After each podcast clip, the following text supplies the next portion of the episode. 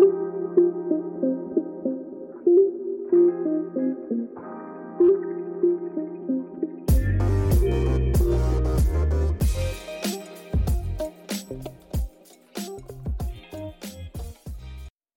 Dzień dobry, dzień dobry. Z tej strony Asia z creativevibes.pl. Ja jestem trenerką biznesu, strategiem, grafikiem w jednym.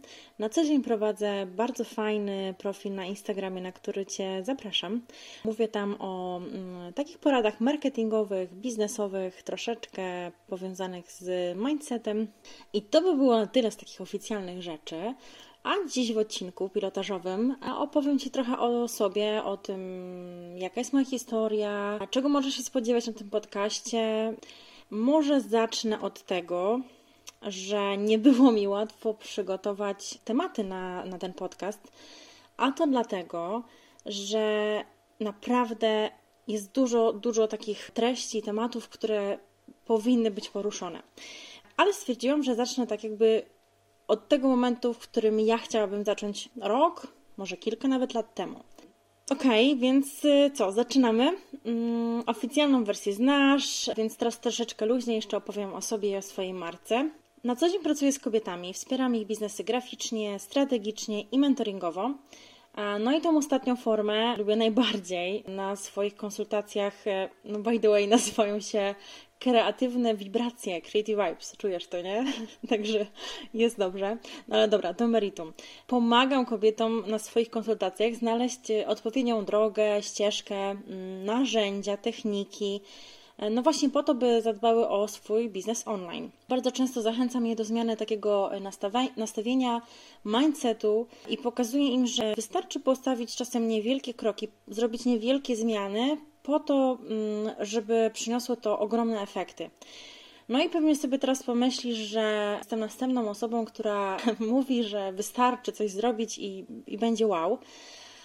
No to tak nie jest. To wszystko to jest ciężka, duża, długa praca, ale jednak wiem z doświadczenia, że podejmowanie małych, strategicznych kroków pozwala nam być zawsze dalej niż w tym punkcie, w którym zaczynaliśmy. Ja oficjalnie prowadzę firmę od 1 e, września 2019 roku, ale wcześniej pracowałam już na umowy zlecenie, o dzieło i tak naprawdę jestem związana z branżą już kilka dobrych lat mm, i powiem Ci, że pracując na e, etacie plus prowadząc taką powiedzmy swoją firmę, markę, budując to wszystko od zera, no to nie był łatwy kawałek chleba, bo mm, zaczynając się tak naprawdę od rana do wieczora, e, no daleko nie zajedziemy.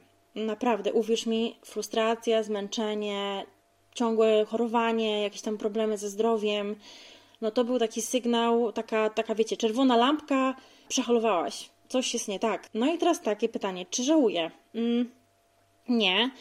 Ale czy zrobiłabym jakieś rzeczy inaczej? Na pewno, na pewno tak. No i chciałabym się właśnie z tym podzielić, co bym zrobiła inaczej. Przede wszystkim zadbałabym właśnie o zmianę nastawienia, ułożenia w głowie, wyznaczenia swoich wartości, bo to jest, o Jezu, dla mnie turbo, turbo ważne poznania siebie, swoich potrzeb. Pracowałabym więcej nad asertywnością, pewnością siebie, nad self-love, w ogóle nad kochaniem siebie. To jest dla mnie temat na jeden odcinek, ale to o tym później.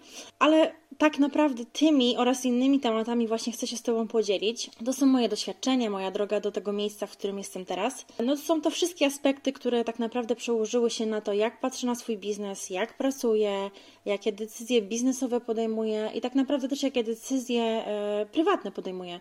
To jest e, bardzo, bardzo mocno ze mną teraz związane. Mam nadzieję, że zechcesz tutaj zostać i troszeczkę posłuchać o tej mojej drodze, inspiracjach, inspirujących osobach, no i przede wszystkim wyciągniesz jakieś wnioski dla siebie. Więc e, mam nadzieję, że do usłyszenia. Ściskam Cię ciepło